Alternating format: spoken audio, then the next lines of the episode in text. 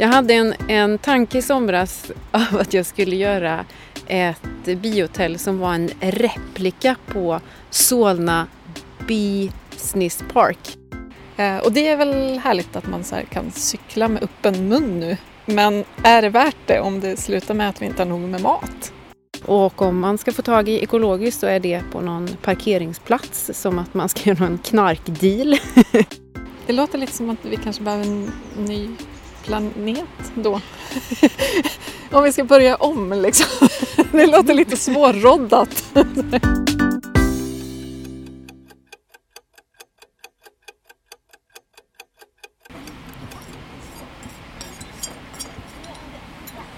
Mm, Okej, jag har lite svårt för det här att äta i eten och jag vet att man inte ska prata med mat i mun.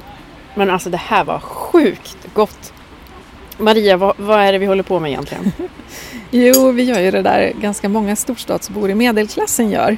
Vi sitter ju på uteserveringen på ett hippt café i Stockholm och så frossar vi i supergoda ekologiska bakverk. Vi hade ju turen tycker jag att hitta en oas i det här hetsiga citylivet så vi, vi sitter ju faktiskt omgivna av blommor och fåglar och till och med en och annan sensommarslö humla. Och det passar ju ganska bra för temat för det här avsnittet är besprutat, bin och biologisk mångfald. Och så tog vi liksom chansen att kombinera det med att unna oss lite ekogodsaker och en liten glimt kanske av vad plan B-livet skulle kunna bli även i städerna. Ja, för vi behöver ju mer av allt det här. Ekologiskt ska ju först och främst inte vara en klassfråga och inte heller något som vi bara unnar oss på något hippt café eller en liten oas. Ekologiskt borde ju vara normen för alla. Varför är ekologiskt inte normen? Varför har det blivit en klassfråga att slippa äta besprutat? Varför tar vi inte hand om bin och humlor som vi de facto är beroende av? Varför är världen så himla upp och ner? Ah, det är så många frågor. Men allt det här ska vi försöka ta reda på. Ja, för det här är ju sånt som vi går runt och funderar ganska mycket på nu och som vi försöker dela med oss av i den här podden. Det här är ju vår podd om plan B-livet. Det göttiga, härliga livet inom planetens gränser. Och det är det där livet som väntar oss när vi kanske äntligen fattat att det fossildoftande plan A-livet som vi lever idag inte riktigt är värt att klamra sig fast vid. Och det här är en podd om hur bra vi ska ha det, helt enkelt, efter omställningen. Och vi som gillar morötter över piskor, vi heter Maria Soxbo. Och Emma Sund. Välkommen till avsnitt två av Plan B-podden. Men du, innan vi börjar ska vi lyssna på ett klipp. Och medan vi gör det så tycker jag att vi äter upp våra godsaker. Lätt. Oekologiskt, vad är det för något? Ta ett helt vanligt äpple.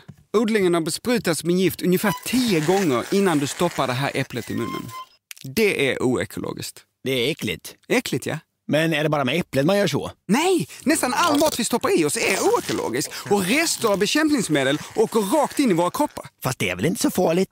Alltså, du dör inte knall och fall. Men forskare oroar sig för vad de här bekämpningsmedlen gör med oss i långa loppet, särskilt våra barn. Ja, men varför använder man gifter då? För att göra maten billigare såklart. Och billig mat gillar vi. Ja, alltså vi svenskar har aldrig betalat så lite för maten som idag. Men kruxet är att det är ju någon annan som betalar det verkliga priset. Vindruvsplockaren som får cancer, barnet som blir sjukt av att bo nära en bananodling och naturen. Antalet djur, växter och insekter minskar med rasande fart. Fast det är på andra sidan jordklotet. Du, det händer över hela planeten! Här hemma i Sverige också som bina. De blir allt färre och bina behöver vi ju för att få mat. Och då bör vi äter väl inte... Pollinering! Har du talas om pollinering? Grundskolan, ja. Och det här är helt sjukt. Ja. Hur får vi stopp på det här vansinnet? Ja, vi äter ekologiskt. Då slipper bonden ta fram giftet, grisen får komma ut i friska luften. Gillar det. Älskar det! Vår mat blir renare, naturen friskare. Och det här låter logiskt. Vad ska jag börja med? Börja med kaffet och bananerna, för de är liksom tokbesprutade. Jag gillar inte bananer. Nej, men då har du ju löst det ju. Sen kör du mjölken och köttet, och så vindruvorna och potatisen, för de är också två av värstingarna. Jag gillar inte potatis heller. Varenda liten ekologisk vara du väljer är ett steg mot en friskare planet. Framåt. Framåt, ja. Det där var ju en snutt ur Naturskyddsföreningens väldigt roliga film med Anders och Måns. Älskar Anders och Måns. Jag med. Eller hur? Men vad, vad tänker du på när du lyssnar på den här filmen? Ja, men, eh, först och främst tänker jag på att eh, världen är upp och ner och hur mycket vi har att vinna på att äta mer ekologiskt. Vi har ju bin och humlor att tacka för en tredjedel av den mat som vi äter. Det är ganska mycket. Så vi är beroende av dem.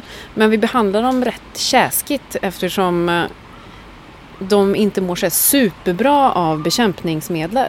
Det, ju, det måste ju vara världens mest otacksamma jobb. Ja, Förse världens befolkning med en tredjedel av all mat och hotas till livet varje dag på jobbet. ja för fan, jag skulle ha sagt upp mig på en gång. Rätt. Var är skyddsombudet när man behöver det? Ja, nej men alltså det är så otacksamt. För vi är ju som sagt beroende av de här pollinatörerna. Men vad vi gör då är ju att eh, vi sprutar eh, bekämpningsmedel, vi eh, bygger städer som knappt har några grönområden. Eh, vi måste nog tänka om här känner jag. Ja, men jag tänker också på det. Jag såg en tråd i Klimatklubbens Facebookgrupp som handlade om att eh, eh, det var någon som hade noterat hur mycket mer sällan han tvättade sin bil jämfört med när han växte upp. För det är helt enkelt inte lika mycket insikter som smackar in i rutan längre. Eh, och det är väl härligt att man så här kan cykla med öppen mun nu. Men är det värt det om det slutar med att vi inte har nog med mat? Nej, alltså det är det ju verkligen inte. Eh, Även, en sjukt liten vinst till ett sjukt högt pris. Ja, ver- verkligen. Det finns mycket att rucka på. Jag var inne på det här med hur vi bygger städer till exempel. Att man eh, asfalterar och det är betong och det är ganska ovälkommet för insekter. Det ska vara ganska sterilt. Och det är ju inte så bra. Jag tänker på också den här gräsnormen som vi har. Att man ska ha en välklippt, jäkligt grön gräsmatta. Vilket heller inte är så bra för bin och humlor som faktiskt behöver de här små blommorna. Vart är alla städers eh, ängar? I och för sig är det fina och smarta lösningar men liksom när vi kommer till en punkt när vi måste här, anlägga en liten äng ovanpå taket till en busskur, för det är vad som fanns kvar ungefär. Då har det ju ändå blivit snett någonstans längs vägen, för det borde ju vara inplanerat från början såklart. Sen är det väl en jättebra idé att utnyttja alla döda ytor som tak i storstäder och liksom, ja, men tak på busskurer eller eh, refuger och sådana här grejer som vi kanske måste ha för att det ska funka. Det är väl jätte, jättebra att ösa på där. Men det måste ju också finnas med i stadsplaneringen från början så att det inte bara blir just som du säger en så här park med världens snyggaste gräsmatta med en art, ett gräs. liksom. Precis, ett grässtrå. Nu när man bygger nytt så pratar man ofta om parkeringsplatser, att det ska finnas eh, ett visst antal parkeringsplatser då för de som bor i det här nybyggda huset. Men jag tänker lite annorlunda i hur mycket liksom grönområde det ska finnas för varje person som bor i det här huset. Eller hur mycket biologisk mångfald, hur mycket bin och humlor till eh, odlingen. Det borde ju finnas någon sån här ratio. Det bor 58 personer i den här bostadsrättsföreningen. Då borde det finnas x antal kvadratmeter som är liksom vikt åt biologisk mångfald för de här människorna. Jag kan bli så frustrerad över att vi inte pratar mer om det här ämnet. Att man försöker få in den biologiska mångfalden i varje val som görs. Till exempel så fick jag en jättebra idé från en följare som heter Simon som pratade om att eh, man borde ha odlingar på förskola och skola. Att det borde vara obligatoriskt med eh, skolträdgårdar till exempel. Svinbra idé Ja, jag. det är genialiskt för dels alltså, kommer på så många bieffekter till det här. Eh, Bieffekter? ha, ha, ha. Men dels så är det ju rimligt att det borde finnas en biologisk mångfald där nästa generation befinner sig. Ja. Men också att man visar kidsen hur man odlar, att det inte bara är att sätta ner ett frö i jorden och att det kommer en tomat dagen därpå. Och också få förståelse att allt inte finns året runt i Sverige. Jag har ju själv två barn som är värsta stadsråttorna. De är ju livrädda för insekter för det ingår liksom inte i stadsmiljön.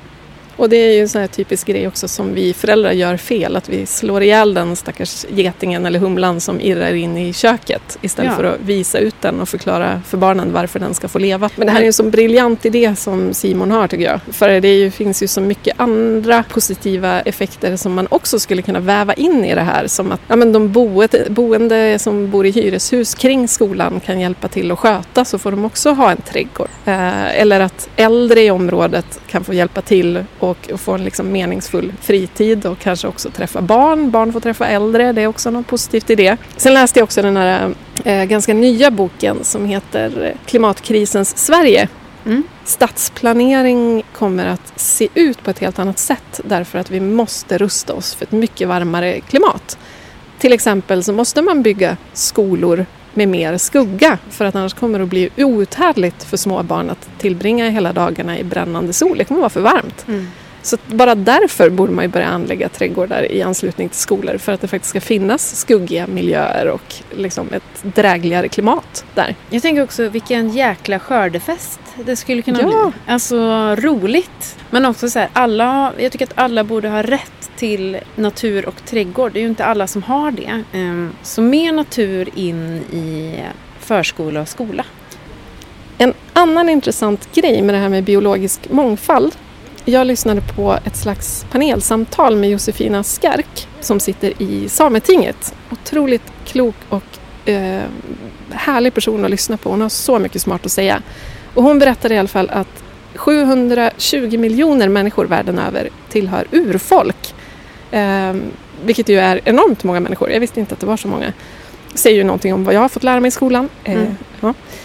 Och 80 procent av jordens samlade biologiska mångfald finns på områden som ägs, förvaltas eller kontrolleras av urfolk. Och det här är ju hela nyckeln tycker jag. Att vi, vi behandlar urfolksfrågor som någonting, så här, ett särintresse. Men det visar ju sig då att urfolken är ju de som faktiskt tar hand om vår jord. Vi är otroligt beroende av att urfolken får göra sin grej och göra det de är bra på. För vi är inte lika bra som dem. Och lära oss av urfolken Ja, hur man ska göra. så att urfolksfrågor handlar ju verkligen inte bara om, om eh, frågor som bara rör dem. Utan det är ju frågor som verkligen rör oss alla. Eh, och det är ju inte minst i Sverige aktuellt såklart. Med tanke på samerna och med tanke på ett allt varmare klimat. Klimatförändringarna går ju väldigt snabbt i arktiska områden. Det här är ju superviktiga frågor och det är inte bara för samerna utan det är för alla svenskar det här är viktigt.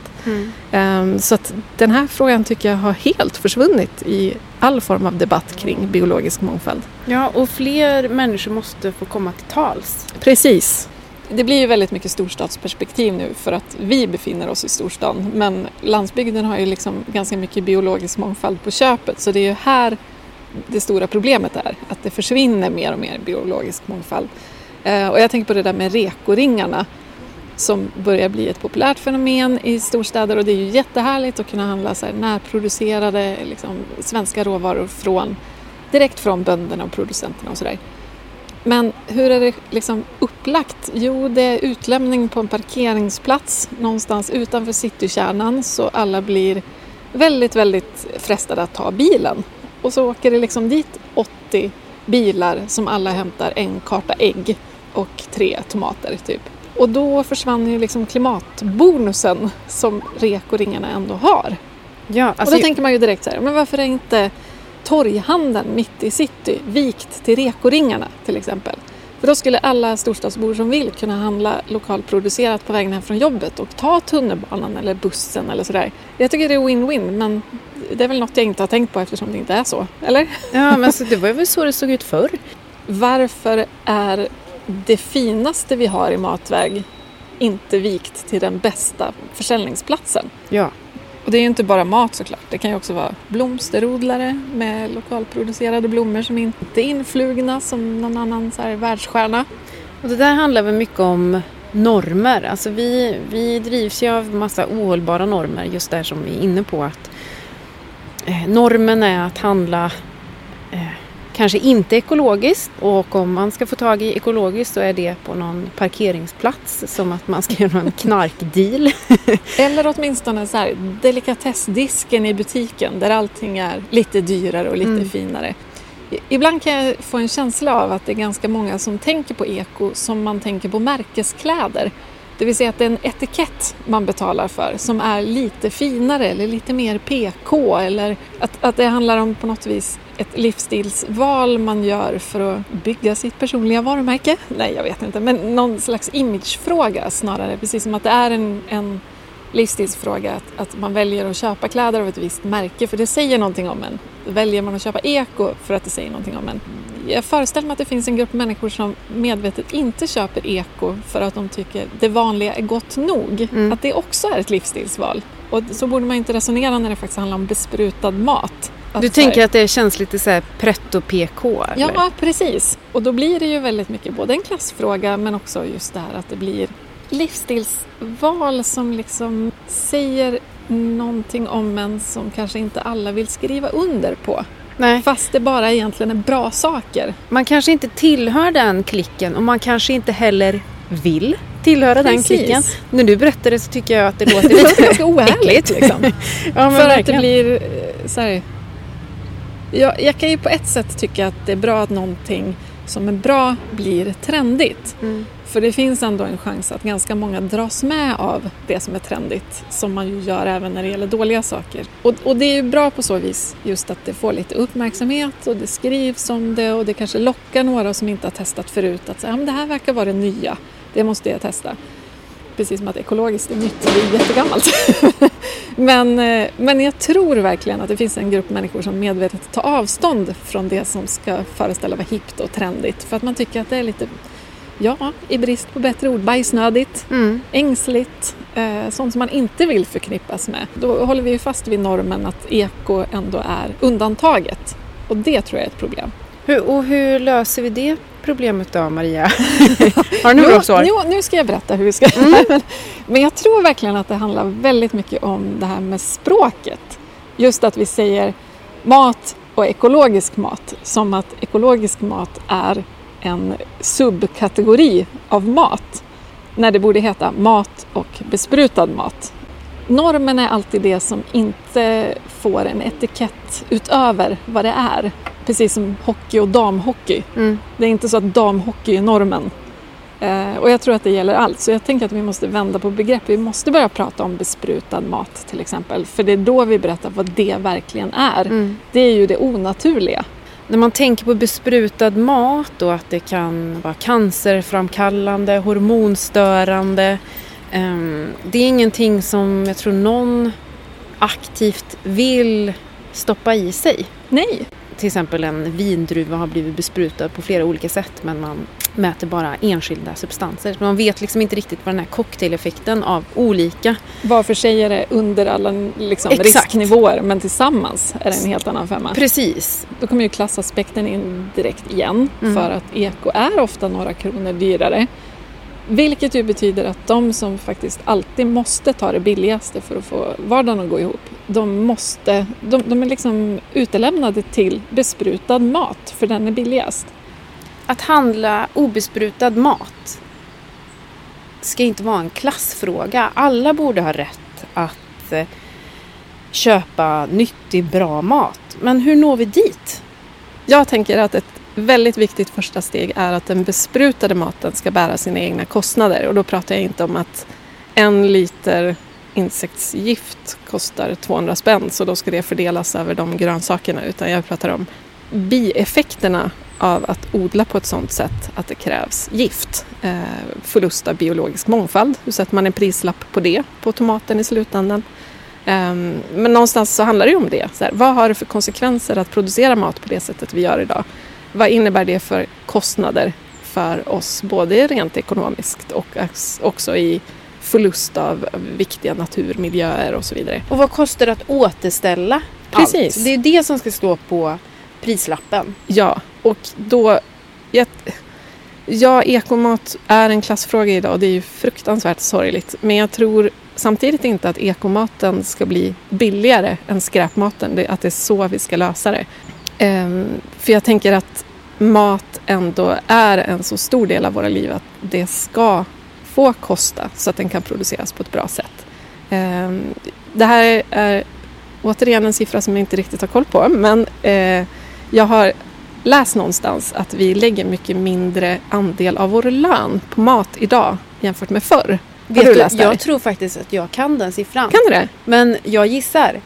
Eh, så får vi återkomma sen. Mm, kanske på Instagram med Mm. den rätta siffran. Men jag är ganska säker på att vi la typ 32 procent av vår inkomst på mat på 50-talet kan det ha varit. Mm. Kanske. Och nu 12 procent. 12 procent. Och det innebär ju att maten har ju inte riktigt hängt med i utvecklingen prismässigt. Så egentligen så borde den kunna kosta ännu mer. Det handlar väl mer om att, vi, att folk inte får ihop det och kan köpa ekomat handlar ju kanske snarare om att andra delar av livet har blivit så väldigt mycket dyrare, boende till exempel. Ehm, så det är ju en större fråga. Vad är det som ska få kosta i våra liv till exempel? Men samtidigt finns det ju de som inte har råd med till och med besprutad mat idag. Precis. Så att vi har ju ett större problem att... Alltså, oh, gud vad det här skulle vara enklare om alla tjänade exakt lika mycket pengar. Ja, och det är ju inte bara att det måste vara ekonomiskt försvarbart att konsumera ekologisk mat. Det måste också vara ekonomiskt försvarbart att producera ekologisk mat. Annars kommer vi ju ingen vart. Nej. Och det är väl en, i allra högsta grad en, en politikerfråga. Hur ska vi göra så att vi gynnar ekobönderna framför de konventionella bönderna som besprutar sin åkermark och så vidare. Sverige har ju som mål att 30 procent av eh, den brukade jordbruksmarken, undrar om jag säger rätt nu, ska vara ekologisk 2030. Det kan bidra kanske till att normerna förändras. Men förlåt, känns inte det jättelågt? Jo! Alltså så 30 procent, det betyder ju att 70 procent ska vi liksom odla besprutad mat på. Nej, men det är jättekonstigt. Då är väl det fortfarande normen, år 2030 när alla Parismål ska vara uppfyllda och så vidare. Förlåt, men räknade vi inte fel här? Alltså. Jo, men det som jag tänker på är också den här normen som vi drivs av att eh, vad som är fräscht och vad som är hälsosamt och att ett eh, hem ska städas med riktigt starka grejer. Ja, med mycket kemiskt Det ska, ska lukta vara. rent Ja. och rent är inte liksom en naturlig doft utan det är en väldigt kemisk doft. Då är det Precis. rent. Då vet man att här, nu kan livet frodas för att nu är det rent och fräscht. Nej, exakt. Eftersom När det blev det upp. giftiga fräscht? När bestämde vi det? Jag var inte med på det Inte jag heller. det- En annan sak som jag funderar på är hur vi ser på biologisk mångfald. Alltså att hur vi tar hand om natur och eh, bin och humlor så att det i slutändan gynnar oss. Ja. Så jävla ofräscht. Men eh, jag var på ett intressant eh, samtal i eh, Almedalen. Man pratade om biologisk mångfald som en valuta. Mhm. Att till exempel lantbrukare skulle kunna bli inte bara producenter av mat utan också producenter av till exempel el genom att ha solceller på de här enorma laggårdstaken. Men också att de kunde bli producenter av biologisk mångfald. För det är ju det som ekologiska lantbrukare faktiskt är. Och att det borde finnas ett värde att man kan köpa lite biologisk mångfald. Jag gillar den idén. Jag vet inte riktigt Ja, hur det skulle gå att lösa praktiskt men det är, biologisk mångfald har ju ett extremt värde för oss människor. Så att det inte skulle vara en ekonomisk förlust att vika en del av sin mark till en äng som inte liksom slås ner och säljs utan liksom faktiskt får stå kvar. Ja, vi pratar så mycket om eh, vad man har på banken till exempel i, eh, i reda pengar. Men man pratar liksom sällan om att man kanske har någon rödlistad eh, blomma i sin trädgård. Att man kanske behöver se värde i, på andra sätt. Jag tänker som i, i okej sidospår, men i somras så var det ganska torrt i min trädgård. Och när det regnade så eh, var jag ute i hällregn och liksom fyllde alla tunnor och alla hinkar med det här regnvattnet för att jag skulle kunna ha till torrare tider. Och sen så kom jag in i huset igen och sa till min man, jag känner mig rik. Jag är rik för nu jag alla tunnor, alla hinkar är fulla med vatten. Nu, nu, är liksom, nu, känns, nu känns livet ja, rikt. Och att man ser liksom andra, ja, men andra valutor kanske i, i framtiden. Där vi faktiskt står för andra utmaningar. WWF släppte ju Living Planet Report. Och det var Alldeles härlig nyligen. läsning Ja, förstår det var ju jättemysigt. Ehm, De vilda ryggradsdjuren har minskat med 68 procent mellan 1970 och 2016 till exempel. Det är sån här fakta som man kan mysa till det med en fredagkväll. Men vad fan. Två tredjedelar har vi utrotat på mindre än 50 år. Två tredjedelar. Det kallas att vi är på väg in i det sjätte stora massutdöendet.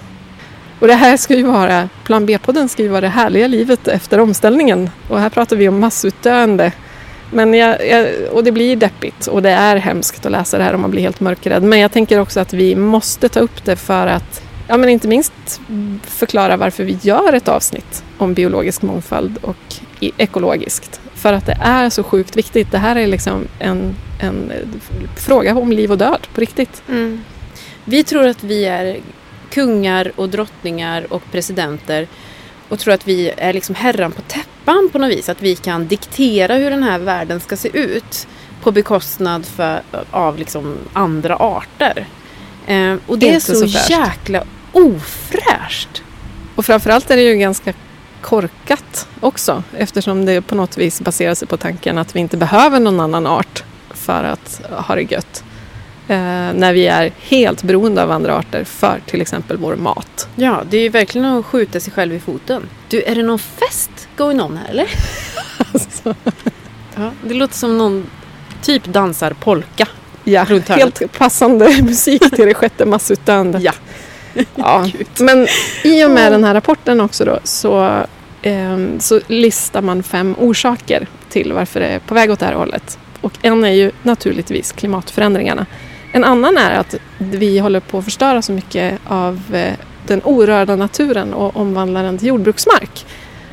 Så att det är ju, och det är ju inte då, alltså även ekoodlingar är ju jordbruksmark. Så att det stora problemet här är ju att så väldigt, väldigt mycket jordbruksmark används för att odla foder till köttproduktion. Så det handlar ju inte bara om att vi måste välja eko av allt för att rädda den biologiska mångfalden utan vi måste också äta mer växtbaserat. För växtbaserat kräver mycket, mycket mindre mark för att mätta oss. Ehm, ja, men okej, vill du ha lite goda nyheter då? Ja tack. Okej, jag läste en artikel i The Guardian ganska nyligen om att eh, en del arter ändå räddas från utrotning nu genom att man tänker till och fixar smarta skyddsprogram och, och så vidare. Eh, upp till 48 arter har man räddat på sistone. Det är bra. Skitbra! Hur många arter tror du hotas av utrotning enligt en FN-rapport? Vet inte. En miljon? Alltså fy fan. Vi har lite att jobba på. Det går väldigt fort ut för i ena änden och det går bra men långsamt i den andra kan man väl säga. Och det här, är- vi skrattar lite men det är ju helt absurt att vi räknar de räddade arterna i tiotal och de utrotningshotade i miljontal. Känslan är ju lite att vi fuckar upp så mycket och sen så försöker vi liksom göra någon form av nödlösning. Ehm, och jag skulle vilja börja från andra hållet. Att faktiskt redan i ett tidigt stadium fundera på vad vi vill ha för värld. Och utifrån det bygga liksom samhällen eller hus eller ehm, Det låter lite som att vi kanske behöver en ny planet då. Om vi ska börja om liksom. Det låter lite svårroddat.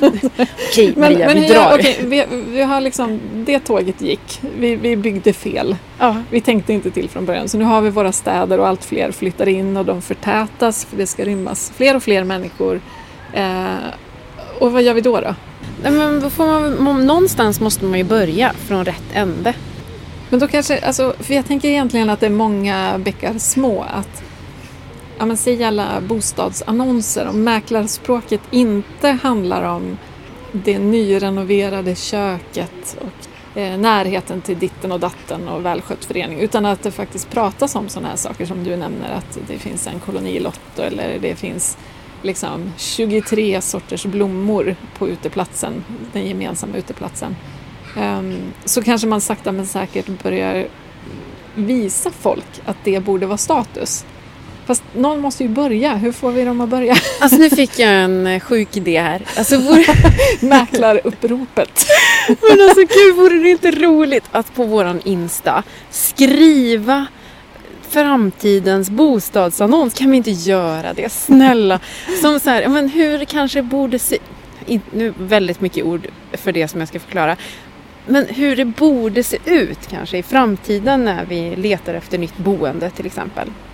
Jag måste göra det. det måste göra. Du kan inte stoppa Och så är mig. det liksom 15 beskrivning av ja det finns ett kök och ett badrum och så här många kvadratmeter och det finns hiss.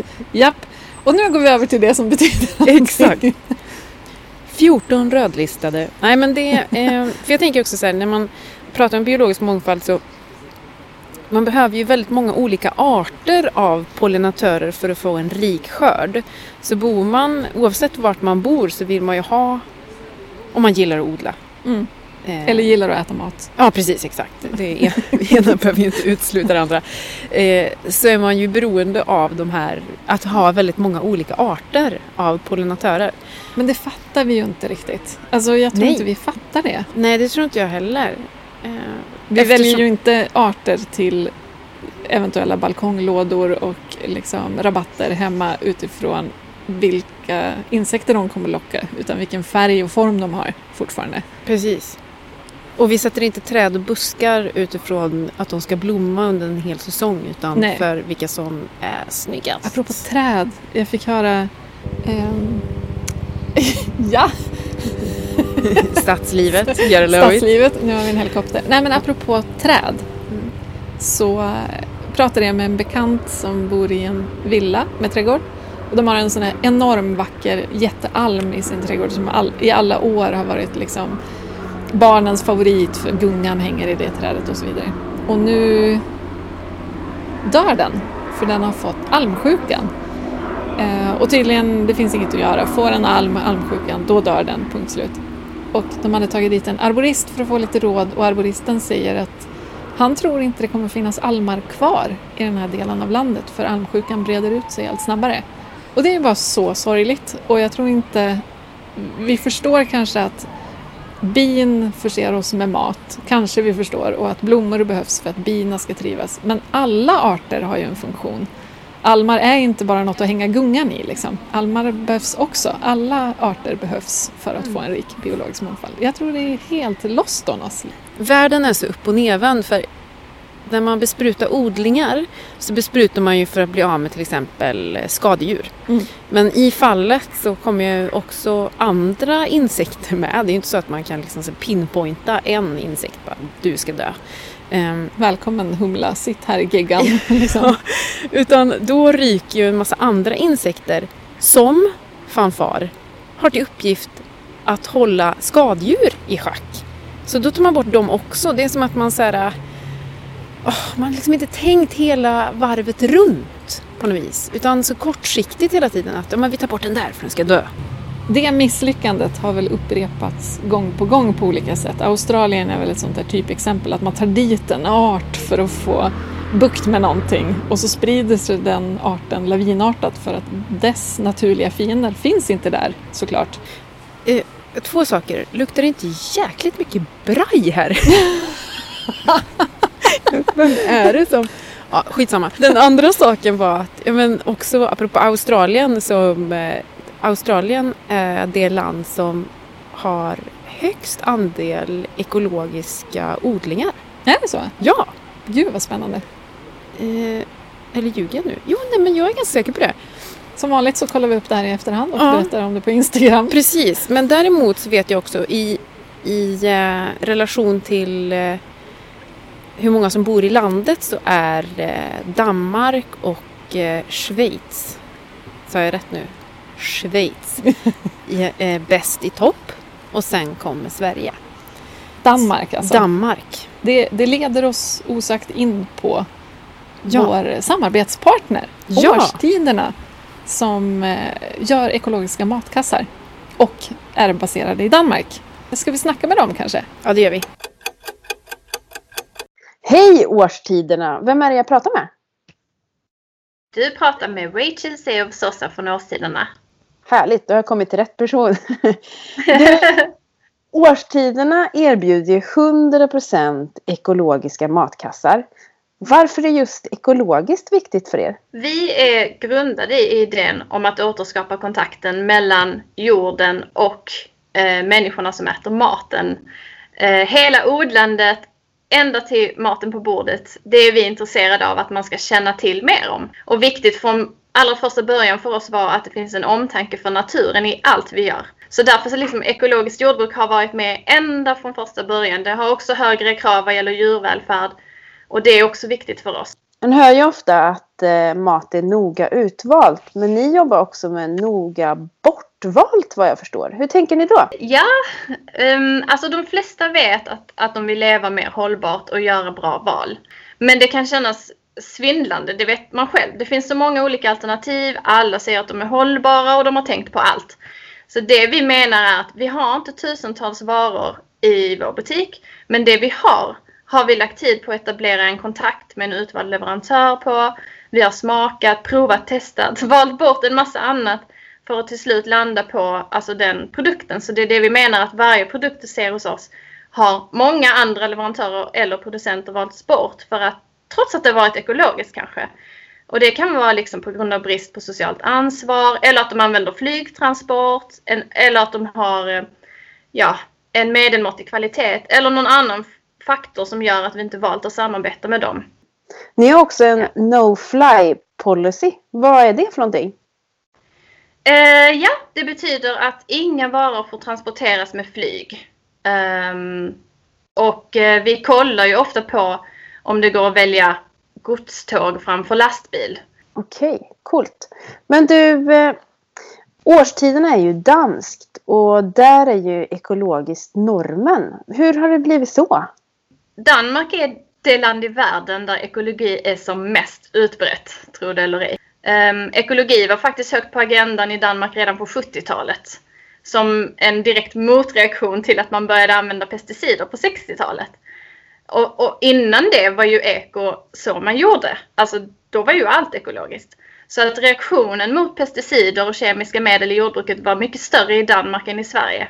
Och sen redan 87 fick Danmark sin första lag om ekologi. Hur ska vi i Sverige göra för att lyckas med samma sak? Ja, Sverige ligger 5 till 10 år efter Danmark i konsumtionsutvecklingen av ekologiska livsmedel. Just nu så är det kring 9% av livsmedelsförsäljningen i Sverige som går till ekoprodukter. Och Danmark ligger över 13 Eh, det kommer ju mycket snabbmat, snabba rätter, ökar i försäljning, det ser vi stort. Det är jättebra att vego har fått en jättestor ökning i försäljningen. Men om man tittar noggrant så är det inte många som är eh, ekoalternativ.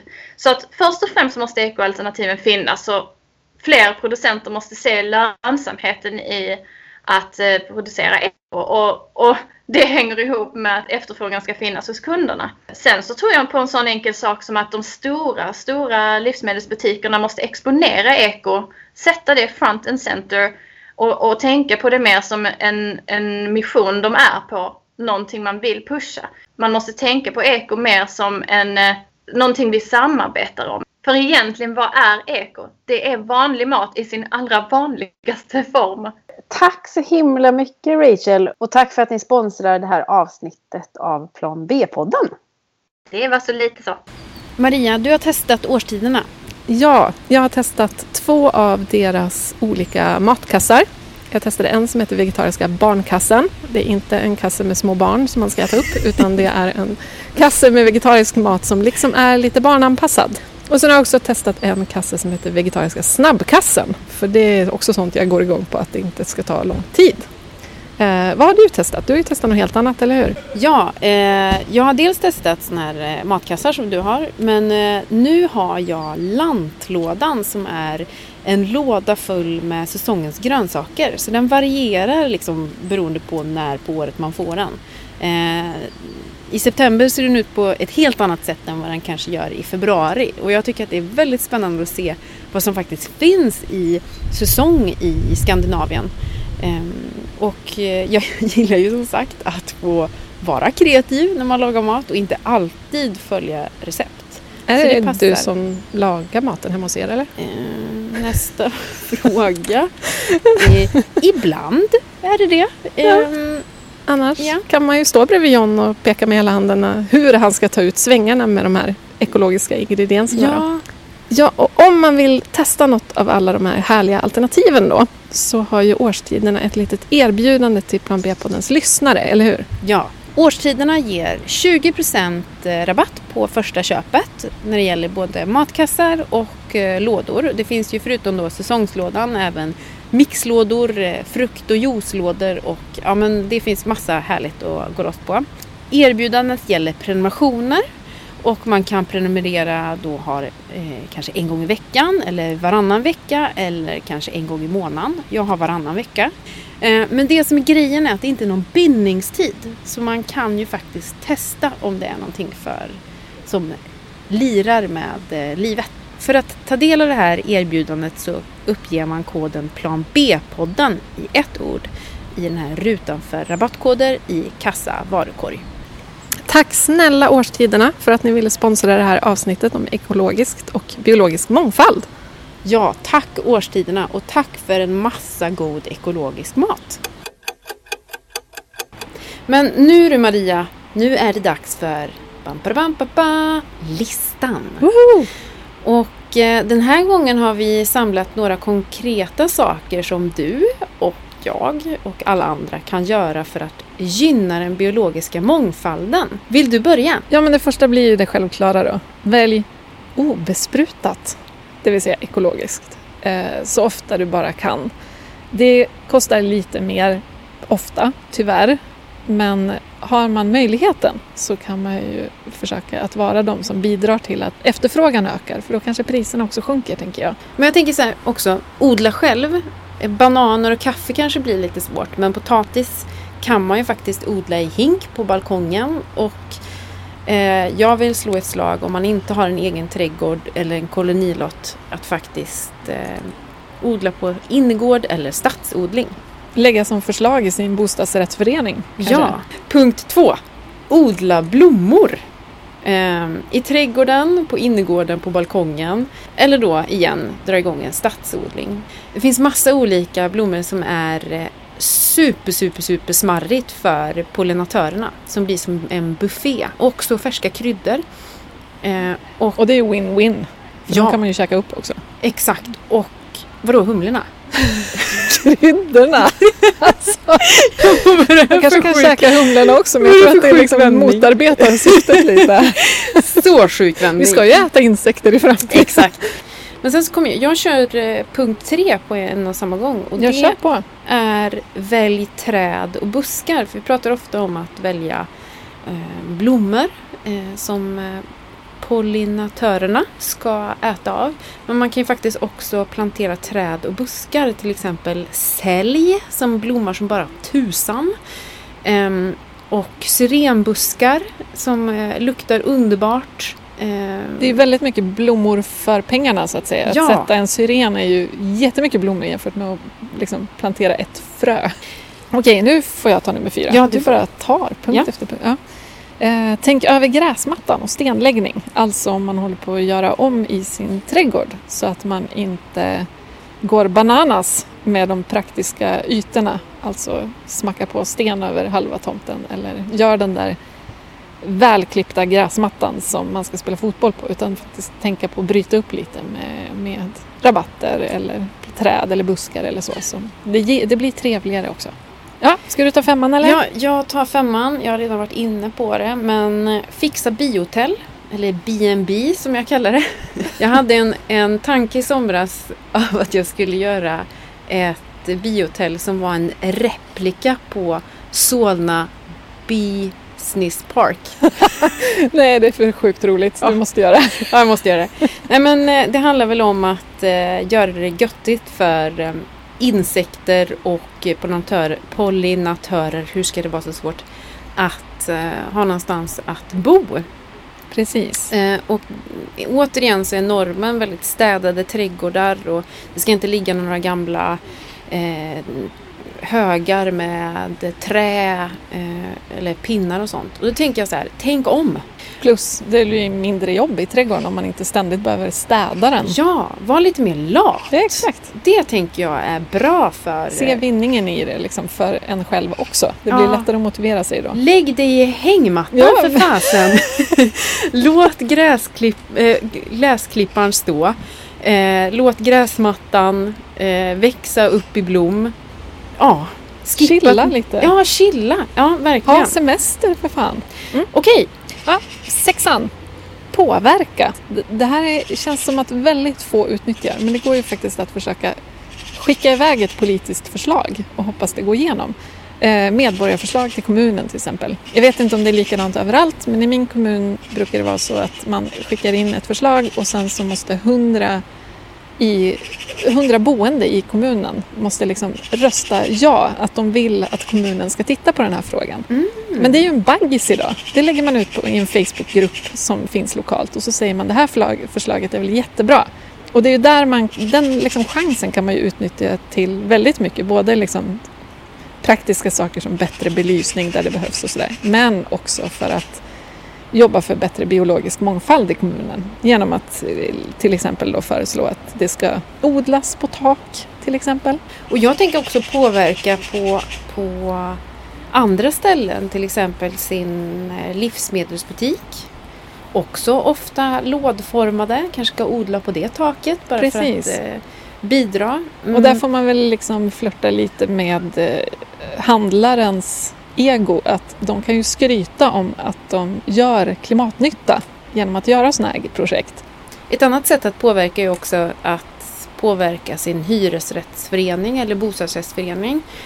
Att eh, plantera blommande träd istället för ett träd som kanske inte bidrar så mycket till eh, biologiska mångfalden. Precis. Och jobbar man på företag som har egna hus då kan man ju också Ja. gå till chefen och säga borde vi inte använda taket till exempel till någonting. Verkligen. Nytt sätt att umgås tänker jag. Ja, jag tänker, det är också sån här en, man har ju eh, den här friskvårdstimmen. Den kanske ska innehålla lite mer eh, trädgårdsarbete tänker jag. ja men eller hur. Det var vår lista men sen hade vi lite tips som, som liksom inte går att lägga på den här listan men som vi vill tipsa ändå. Så här kommer en liten lista till. Eh, det finns en dokumentär som heter i original The Biggest Little Farm. På svenska heter den Det lite lökiga Våran lilla bondgård. Den är otroligt fascinerande. Det handlar om ett par som förvandlar 80 hektar helt död mark, det är typ bara lite jord och sten, till en otroligt lummig och liksom frodig eh, plättmark som också då blir ett ekologiskt jordbruk.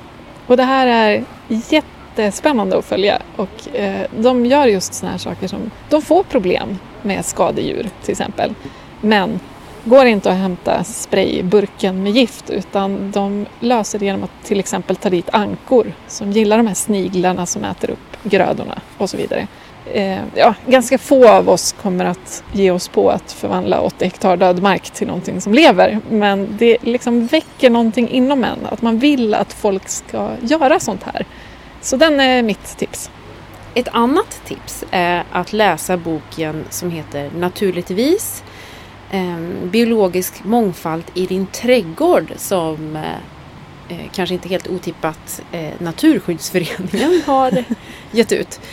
Den är superbra hur man kan tänka på just biologisk mångfald i sin trädgård. Läs den. Mycket bra. Mm. Sen så vill jag ge ett till tips och det är en dokumentär om skogen. Och dokumentären heter A Tale from the Woods av Campfire Stories. Och eh, handlar om eh, skogen, för skogen innehåller ju såklart också en jädra massa biologisk mångfald. Men vad händer när man håller på med kalhyggen till exempel? Eh, och hur kan man få ett mer hållbart skogsbruk? Ehm, Och det här är ju i Sverige, jag tror att det finns 330 000 skogsägare i olika ja. storlek. Det finns ju så många eh, möjligheter att göra annat än normen om man är Mm. en liten skogsägare för då, har man ju inte, då är man ju inte styrd på samma sätt. Så det är ju en bra inspiration om man faktiskt har ärvt lite skog till exempel. Och sen så pratar de också så himla fint om skogen. Just nu när vi är inne i en pandemi så pratar vi väldigt mycket om skogen och att folk är ute i naturen och eh, kampar och tältar och helt plötsligt har liksom upptäckt eh, skogen på nytt och det är skogsbad och ja men skogen är rätt trendig. Eh, och det är en, ett sånt himla fint citat i den här dokumentären som jag 100% inte kommer kunna återge. Men typ handlar om att när man är utbränd i det här samhället så pratar man ofta om att du borde gå ut i skogen. Som att liksom en form av läkande process. Och då är det en person i den här dokumentären som säger så himla bra, bara, men är det inte ute i skogen vi borde bli, gå innan vi blir utbrända? Ja?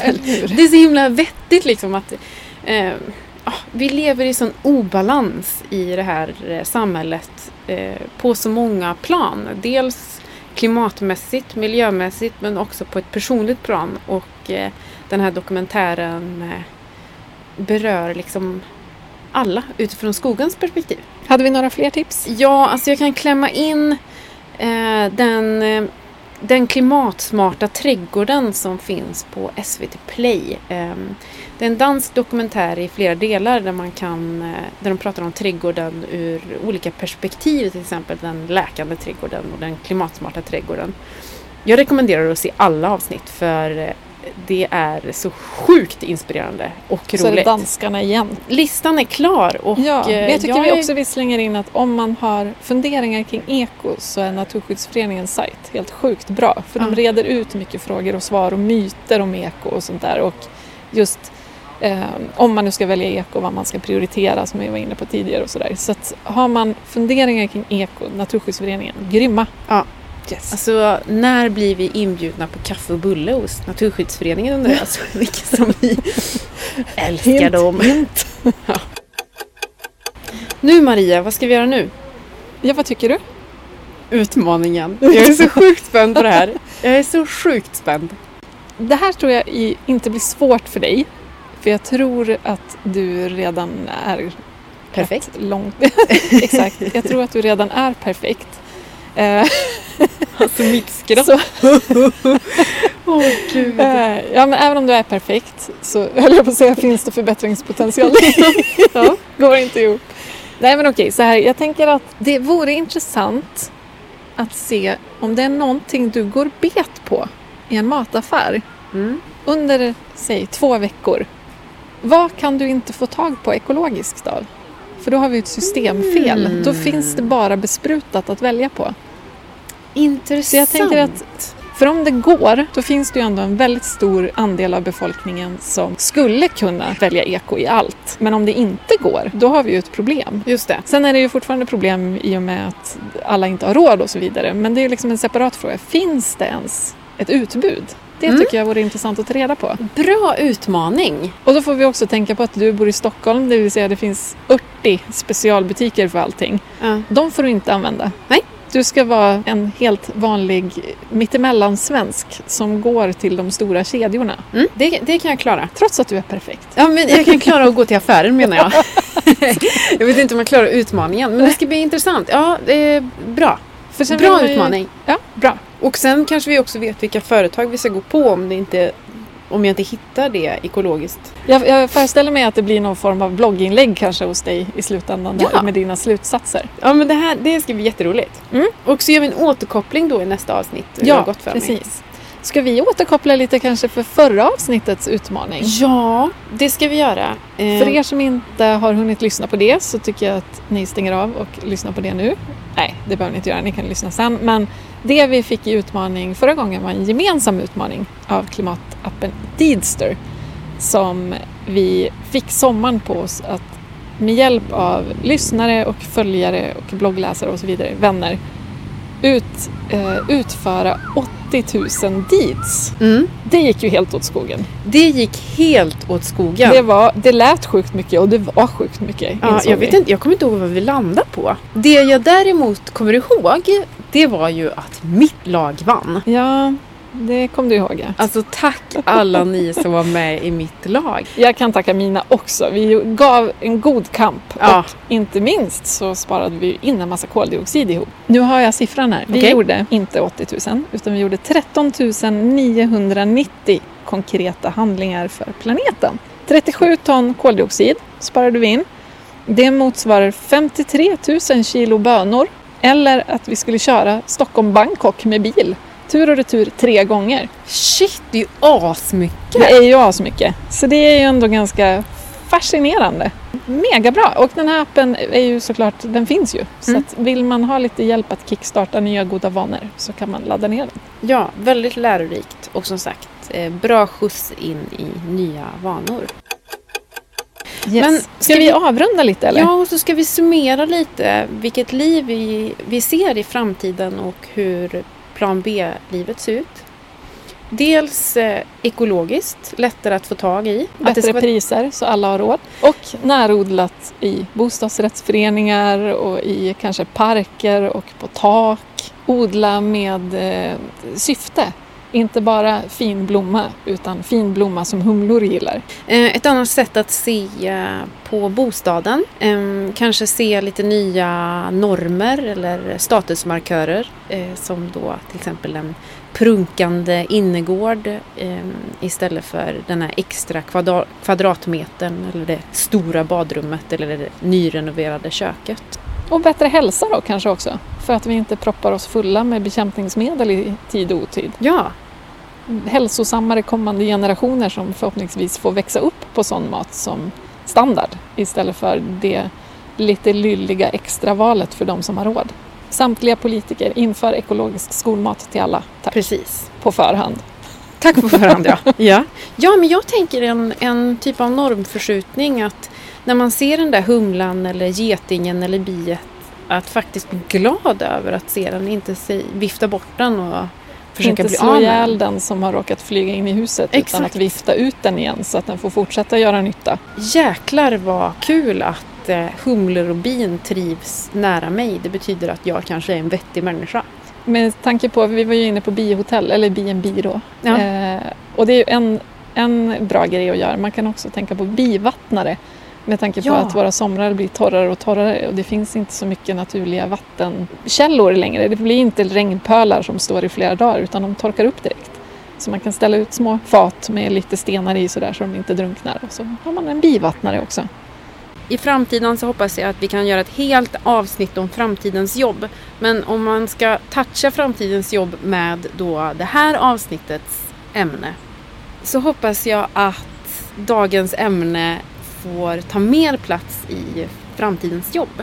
Ja. Ehm, vad är det vi behöver? Vi kanske behöver en, vi behöver förmodligen en jäkla massa mer naturskötare.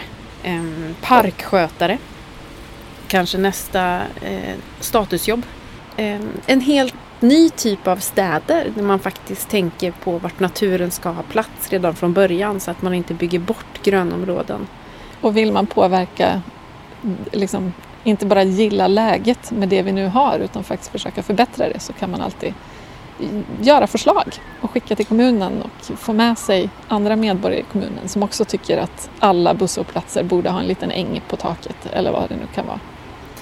Ja, och vi behöver ju den här grönskan, inte minst för att må bra, men också för att grönskan faktiskt äter koldioxid. Så vi behöver ju naturen mer än naturen behöver oss. Plocka undan röjsågen, gräv en grop och sätt en sälj. Och ta semester! Härligt liv! Jag känner att det här, det här blir göttigt. Det känns ju ändå väldigt bra att så här, rädda världen genom att ta semester. Bra tagline, den tar vi. Okej, vi, eh, vi kanske ska säga lite om oss, vart man hittar oss och sånt. Mm. Det här är ju då alltså inte en podd som kommer ut varje tisdag klockan 06.00 utan den kommer ut lite när den kommer ut. Mm. Eh, för vi satsar på hållbarhet på alla plan vilket gör att vi inte klämmer ur oss avsnitt i en stressig takt utan vi gör dem när vi hinner med och när vi har finansiering så att det går runt. Och det betyder att företag som vi gillar och som står för rätt värderingar får jättegärna samarbeta med oss för att göra nya avsnitt möjliga. Men vi har också tänkt att låta våra lyssnare hjälpa till för det kommer ju att komma vissa avsnitt som kanske inte riktigt lirar med att bli sponsrade som att prata lite om vår egen bloggosfär till exempel. Den kanske borde vara osponsrad, eller vad säger du? Ja. ja. Eh, Så det kan man hålla utkik genom att följa oss på Plan B-podden på Facebook och Instagram så kommer vi att berätta när det går att bidra med en liten slant om man vill hjälpa oss att hinna göra fler avsnitt. Och, eh, har man fler förslag på vad det här plan B-livet kan innehålla så får man gärna kontakta oss eh, på planbpodden gmail.com. Yes! Eh, och så ska vi säga stort tack för att ni lyssnar. Ni är rätt många som har lyssnat på första avsnittet redan. Ehm, sätt gärna ett betyg på oss där det går, som iTunes till exempel, för då har vi chans att nå ut till fler. Och sen hörs vi! I nästa avsnitt. Och Det då ska vi. vi. prata matsvinn. Ja, eller hur? så- Tack för det här Maria, så himla kul att prata om eh, biologisk mångfald och besprutat och bin tillsammans med dig. Och att eh, bestämma att fika ingår som rekvisita tyckte jag också var en ganska bra idé. Ja, verkligen. Eller? Tack, så mycket för att ni lyssnade. Vi hörs i nästa avsnitt. Hej Hej. då!